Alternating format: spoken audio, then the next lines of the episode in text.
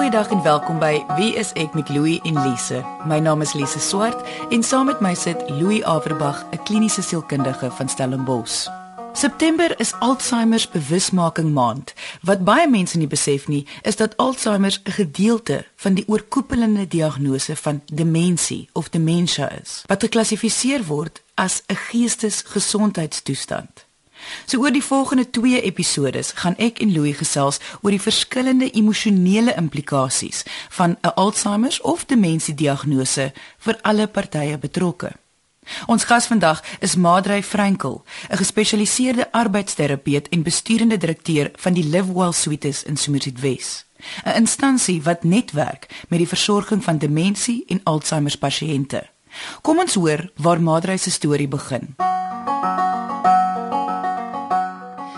My naam is Madrey Frankel en ek is 'n opgeleide arbeidsterapeut wat nagraads gekwalifiseer het in hoofbeserings. Ehm um, heidaglik is ek die besturende direkteur van Livewell Suites. By Livewell Suites vat ons iets waar almal negatief is en verander dit in iets positief. So geheueverlies en geheuebeperkings wat almal as negatief sien, sê ons is 'n deel van die lewe en jou lewe kan normaal aangaan en jy kan 'n waardige lewe tot die einde hê.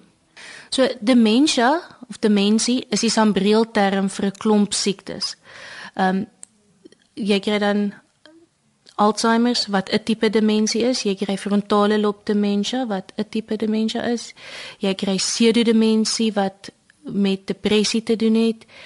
Daar is sover ek weet 97 verskillende tipes demensie en Alzheimer is net een daarvan. Ons het net in die volksmond geleer dat wanneer iemand se geheue begin sukkel, praat ons van Alzheimer's. Um en dis maar waar die groot probleem gekom het. Ons moet net leer praat van demensie, maar um demensie is ook of demensie is ook 'n woord wat binnekort gaan wegval. Hulle is besig om 'n nuwe woord vir dit te soek, 'n meer positiewe woord. So Alzheimer's is waar die proteïene wat die brein produseer vervorm word. Um die neurooordragstowwe tussen die twee senuwees gaan ook nie meer voldoende deur nie. Um so die boodskap kom nie by die volgende sene weer oor nie en, en dis maar die grootste ding wat gebeur en dis hoekom mense medikasie neem want medikasie soos Donacep, Aricept, Ibixa help dat daai neurooordragstof hy, hy hulle skei 'n kunsmatige neurooordragstof af wat dan van die een sene weer eintlik na die volgende sene weer toe gaan. En dit is hoekom medikasie die prosesse bietjie kan verleng en jou kan help om langer optimaal te funksioneer. So Louis Alzheimer of demensie val onder geestesgesondheid. Hoekom so? Die feit dat mense die vraag vra wys weer dat daar 'n wanopvatting is oor geestesgesondheid. Baie mense weet dat Alzheimer of demensie het 'n fisiese basis, nê. Nee, dis 'n neurologiese ding. Dis waar dit begin. En dan sê mense, "Haai, maar dit kan mos nie 'n geestesgesondheid dan wees nie." Nee, maar 'n mediese toestand. Wat ons vergeet is dat alle geestesgesondheidstoestande is mediese toestande en daar's altyd 'n biologiese of 'n chemiese basis daarvan. Nee, so net soos depressie, net soos angsversteurings, so is demensie dit wat jou denke aanval en dit wat veroorsaak dat jy baie swaar kry in jou omgewing, ook 'n geestestoestand. En by demensie of veral Alzheimer word mense denke baie sterk aangeval. Ons praat altyd in ons program van die drie bene van geestesgesondheid: denke, gevoel en gedrag. Hmm. En waar dit kom by demensie, word jou denke verskriklik aangeval en onvermoë om toepaslik te dink. Ek was verstom om te hoor dat daar 97 soorte demensie is waarvan Alzheimer net een is. Tog neem ek aan omdat hulle almal van dieselfde familie is, sal die trekke of ooreenkomste baie oorvleuel met mekaar. Ja, die kern hiervan is maar mense geheue of jou denke, jou neurologiese funksionering wat aangeval word, nê. Nee, en dit kan op verskillende maniere gebeur. Ons praat eintlik meer deesdae van neurokognitiewe versteurings. En dit beteken daar's twee funksionerings. Die een is 'n neurologiese ding, die ander een is 'n kognisie, jou denke. So Alzheimer of demensie word gesien as 'n neurokognitiewe versteuring. En waarvan die kern is dat mens sukkel om te konsentreer, jou geheue is baie sterk aangetast. So daai wat Madre gesê dat hulle dink aan om 'n nuwe naam te gee vir demensie. Dit het klaar gebeur. Ja. Ja, deesdae in in in die in die in die word daar algemeen gepraat van neurokognitiewe verstoring, maar demensie is ook nog 'n aanvaarbare term. Ons kan dit gebruik. Hoekom is dit so belangrik om soos 'n maand van so September te hê waar daar bewusmaking van Alzheimer en demensie is? Die rede hoekom dit belangrik is, is oor die statistieke. Ek dink nie ons besef hoe geweldige groot probleem Alzheimer in die wêreld is nie. Jy weet in die heel in die wêreld het omtrent 36 miljoen amper 40 miljoen mense is volledig gediagnoseerbaar met Alzheimer verstoring, nê. Nee. Mm. En die navorsing wys hierdie syfer gaan verdubbel teen 2030 en dan gaan dit vertrippel teen 2050. En as jy dan vat dat die kostes wat daarmee gaan gaan, die mediese uh onkostes, die die emosionele probleme, die impak wat op families gaan. Jy weet reg oor die wêreld word omtrent elke 4 sekondes iemand gediagnoseer met 'n nuwe toestand van demensie, nê. Nee. Hmm. As ons net kyk na Suid-Afrika alleen, is amper 'n miljoen mense in Suid-Afrika is diagnoseerbaar. Daar is geweldige implikasies hiervan. En dit is hoekom dit dan so belangrik is dat almal hiervan moet weet want dit raak ons nou maar eintlik. Al raak dit jou net indirek op jou sak. Dit raak jou. Oudword is nie vir sissies nie. Dit sien ek elke dag. Die grootste stigma wat daar is is dat ouer mense dink hulle kan dalk aansteek of daai gevoel dat dit kan met my ook gebeur is baie erg. Um in Engeland het hulle nou reeds besef dat hulle kan nie genoeg fasiliteite bou nie. Die siekte neem te vinnig toe. Hulle gaan nooit betyds genoeg tuis bou nie, nog nooit genoeg behuising wees om mense met geheuebeperkings te akkommodeer nie. Um so uh, hulle is regtig besig om baanbrekerswerk te doen. Maar wat hulle agtergekom het is dat hulle kan nie hierdie doen sonder dat die res van die ouer gemeenskap en ek wil van sê ouer gemeenskap wil ek sê ouderdom 50 plus self want dit is hoe jonk soos die siekte nou raak. Hulle kan nie sonder dat hierdie mense nie inkoop nie. En om hierdie mense te kry om in te koop het hulle insig nodig. En dis hoekom ons gereeld bewustheid oggend het om mense te sê dit dit is nie die waarheid nie. Jy kan nie dit kry nie. Ehm um, so dis dis definitief die grootste stigma daar rondom. 'n Ander stigma is dat dit net vir ou mense is die jongste geval van dementia wat ek weet wat aangemeld is is 14 jaar oud. Want waarmee ons nou natuurlik die kop gehou het is dat jy kry HIV verwante demensie waar die HIV die brein aan ehm um, takel. So die ouderdom raak al jonger en jonger. Jy luister na Wie is ek met Louie en Lise op RSG 100 tot 104 FM. Die stigma dat ouer mense voel hulle kan aansteek by mense met 'n demensiediagnose waarvan Madre nou gepraat het. Vir my wat in my laat 30's is, is dit dadelik 'n absurde gedagte. Maar wat mense nie in ag neem nie, is dat ouer mense so 'n vrees vir hierdie diagnose het. So mense kan amper dink dat hulle so half dan onlogies begin dink daaroor. En regtig bang is daarvoor. Ja, en Ons praat nou van ouer mense, maar dit is 'n vrees wat almal het of die meeste mense het. Meeste mense sal vir jou sê, luister, ek wil nie my en my verstand verloor nie. Ek wil nie my konsentrasie verloor nie. Ek wil nie my beheer verloor oor hoe ek dink nie, nê. Nee. Mm, mm. Dis 'n realistiese vrees vir baie mense en omdat demensie meer voorkom hoe ouer mense raak. Hoe banger raak mense soos die tyd aangaan. En ek dink wat mense moet besef hierso is dat enige iets wat vir mens gaan herinner dat jou geheue dalk besig is om pad te gee of dat jy nie meer helder kan dink nie, gaan geweldige angs veroorsaak. Kyk, wat ons weet is dat dit te doen het met hoe inligting neurologies oorgedra word. Dis 'n chemiese proses, nee, en daar gaan fout. En die interessante ding van demensie is dat daar nog nie heeltemal presies ooreengestem word presies hoekom gebeur dit nie. Dis hoekom daar ook nie suksesvolle behandeling is nie, want hulle is nog nie seker hoe dit ontstaan nie. Hulle is nie dit is nie altyd te doen met genetika of niks soos daai goed nie. Ja, ja. Die mediese reg oor die wêreld weet min of meer wat gebeur in die senuweestelsel, maar nie presies hoekom en hoe om dit te behandel nie. So dis 'n frustrerende siekte. En dis natuurlik hoekom die sorg van iemand wat gediagnoseer word met die siekte so belangrik is want mens moet tog dan op die lewenskwaliteit fokus as jy nie gaan kan fokus op die oplossing of die suksesvolle behandeling nie. Ja, die behandeling gaan baie oor hoe om dit so goed as moontlik te bestuur eerder as om dit op te los. MUZIEK sleg ding is mense word gelabel met 'n siekte. Ons het 'n ons het 'n dame hierso wat ingetrek het. Daar's 'n 'n skaal, die mini mental state exam wat dokters gebruik om jou te diagnoseer. Dis 'n skaal van 0 tot 30. En die een betrokke dame het ingetrek en haar telling was 3 uit 30 gewees, wat maar basies beteken dat sy nog net op sensoriese vlak kon funksioneer.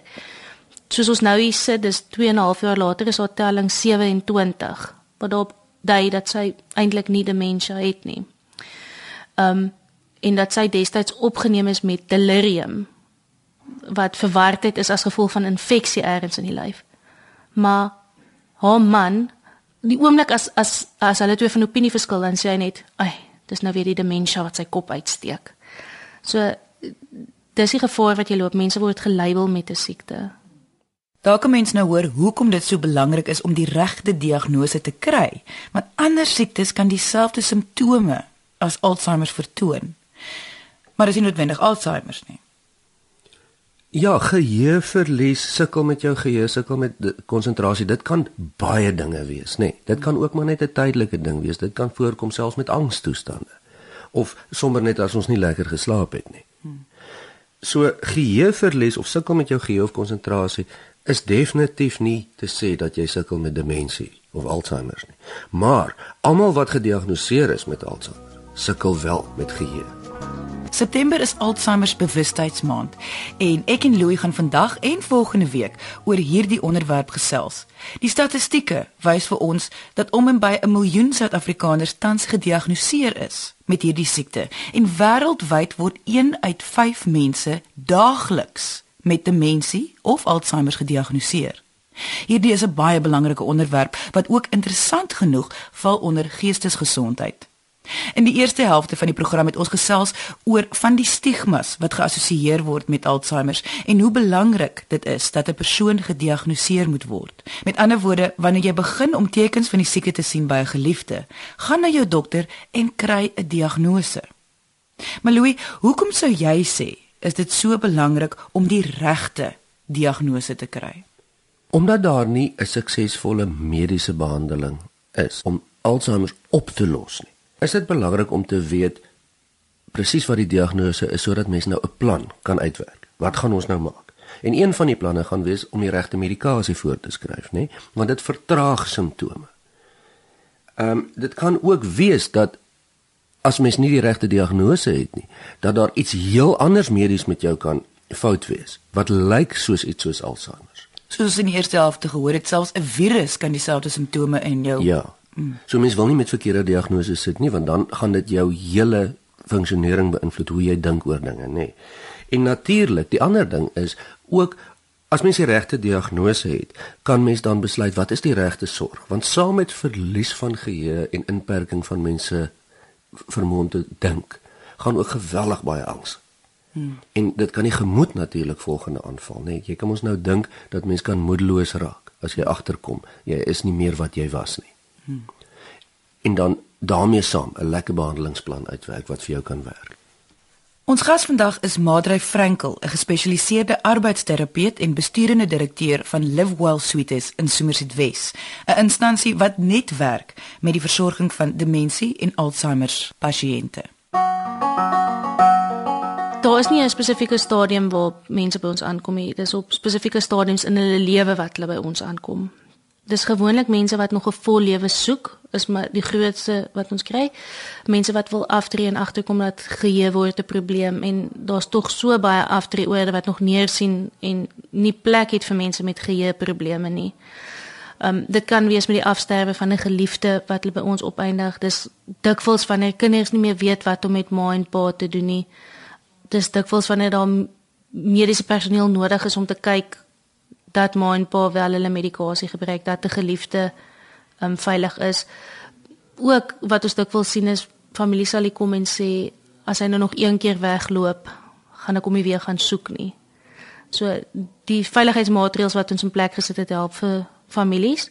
Veiligheid kan ook wees in die neem van medikasie wanneer die geliefde te veel medikasie of die, die medikasie ongereeld gebruik die oomblik wanneer families woorde begin gebruik soos my lewe word gesteel en wanneer dit 'n impak op hulle eie families en eie gesinne het, is dit baie belangrik om hulp te gaan soek.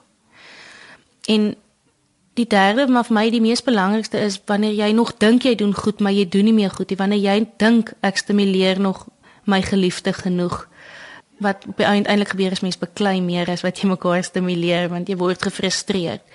En in fasiliteite die lekker ding is daar's nog mense in jou geliefde se bootjie wat wat saam met hulle pas, dat mense van hulle ouderdomsgroep, mense van hulle kultuurgroep, mense wat weet waarvan hulle praat as hulle nog wil praat van pennies en shillings en dan so mense wat gaan saam praat. Daar's mense wat van hulle tipe musiek hou. Um en daar's professionele mense toegewy aan die siekte wat wil help. So ek dink dis ook belangrik. Louis, waarvoor moet mens uitkyk? Wat is die tekens wat vir jou gaan sê jy moet hierdie persoon by 'n dokter uitkry? Ja, onthou, ons moet hier kyk na 'n patroon. Dis nou nie 'n ding wat net vir 'n dag of 'n week moet voorkom nie.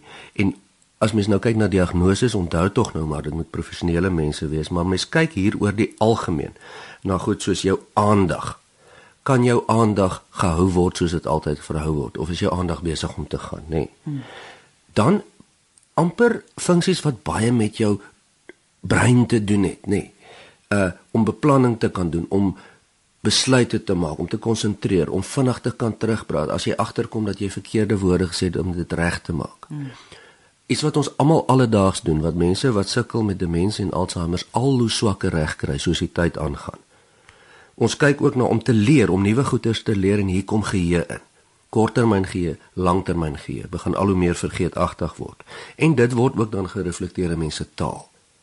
Begin snaaks praat. Met ander woorde, hoe jy dink en hoe jy dit in taal omsit, begin verskillend raak. Mens kry amper nie meer jou woorde nie. Hmm. Soos so, so half die mekaar praat. Half die mekaar praat en hierdie ding kom dan baie in sosiale uh, vaardighede ook uit om mense te kan herken en ook om emosies te kan herken, om te kan sien of iemand hartseer is of bly is. En dit kan selfs ook mense fyn motoriese vaardighede aantas, nê, om mooi raak te kan vat en dinge met jou lyf te kan doen wat vroeër jy gedoen het sonder om te dink. Wat nou deur jou konsentrasie beïnvloed word. Dit is min of meer die breë groeperings waarna mens kyk as jy kyk na neurokognitief of demensie. Ek het ook vir Madre gevra watter tekens let sy ook op in haar beroep. Wat die tekens aanbetref is korttermyn geheueverlies seker die mees algemene kenmerk waarvoor mense soek. Ek het die sleutels verloor, ek myself uit die huis uit gesluit. Ehm um, ek eh, het nie meer klere in my kasie, maar die kas is nog vol klere. Ehm um, daag nie op vir afsprake nie. OK, so korttermyn geheueverlies is definitief 'n probleem. Beplanning is 'n groot probleem wanneer beplanningsprobleme in skop kan jy weet. Ehm um, disoriëntering is ook 'n groot probleem wanneer iemand sê maar ek het nou al vir 20 jaar elke dag dieselfde pad gestap en vanoggend kon ek net nie weer my huis kry nie. Ja, dis maar 'n patroon en dis dis maar 'n patroon wat plaasvind en dikwels dieselfde ding en soos ek sê, ek het daar seker goed wat ek en jy gaan vergeet, maar ons gaan nie 3 keer 'n dag ons oggendpille neem nie. Ons is dan nie so ver nie. Ons gaan nie 'n week lank nie die voordeur sluit as ons saans gaan slaap nie. Ons gaan nie 'n tweede keer verdwaal na ons eie huis toe nie. So dis maar wanneer daar patrone begin vestig. En ons almal het maar stories. Dis nie net jou ma of jou pa of jou eggenoot wat 'n geheueverlies het nie. Dis ook jou lewe wat stadig maar seker uitmekaar uitval en jy dalk kinders by die huis en hulle is nou op hulle tienerfase so hulle is net erg. Dit gaan sleg by die besigheid. Ehm um, en dan is ma nog daar so en ehm um, ja, familieondersteuning is dis die meeste oproepe wat ek daagliks kry is wat nou en begin sommer pad met 'n psigiater te stap. Um dit's maar die beste en, en ons moedig mense aan om by juis by 'n psigiater uit te kom sodat jy in die begin gaan dit stadig oor 'n jaar gaan loer jy weer by die psigiater in en hy sê oké okay, jou telling het nou afgeneem jy was 28 het nou 27 maar binne 5 6 7 jaar kan die prentjie heeltemal verander en dan stap jy al 'n pad saam met hierdie psigiater en hy ken jou al so dit help baie dat mens sommer van die begin af die regte hulp inkry Mens kan eh, na 'n psigiater toe gaan of mens kry nou geriatriese interniste wat baie lekker is en ook neuroloë. Maar die rede hoekom ons grootendeels um psigiaters kies is omdat hulle spesialiste is met gedragsprobleme. En ons sien laterand in die siekte dat ons ek sal dit nie gedragsprobleme noem nie eerder gedragsuitdagings kry wat ons nie verstaan nie en dan is 'n psigiater daar om te help. Jy luister na Wie is ek met Louie en Lise op RSG 100 tot 104 FM.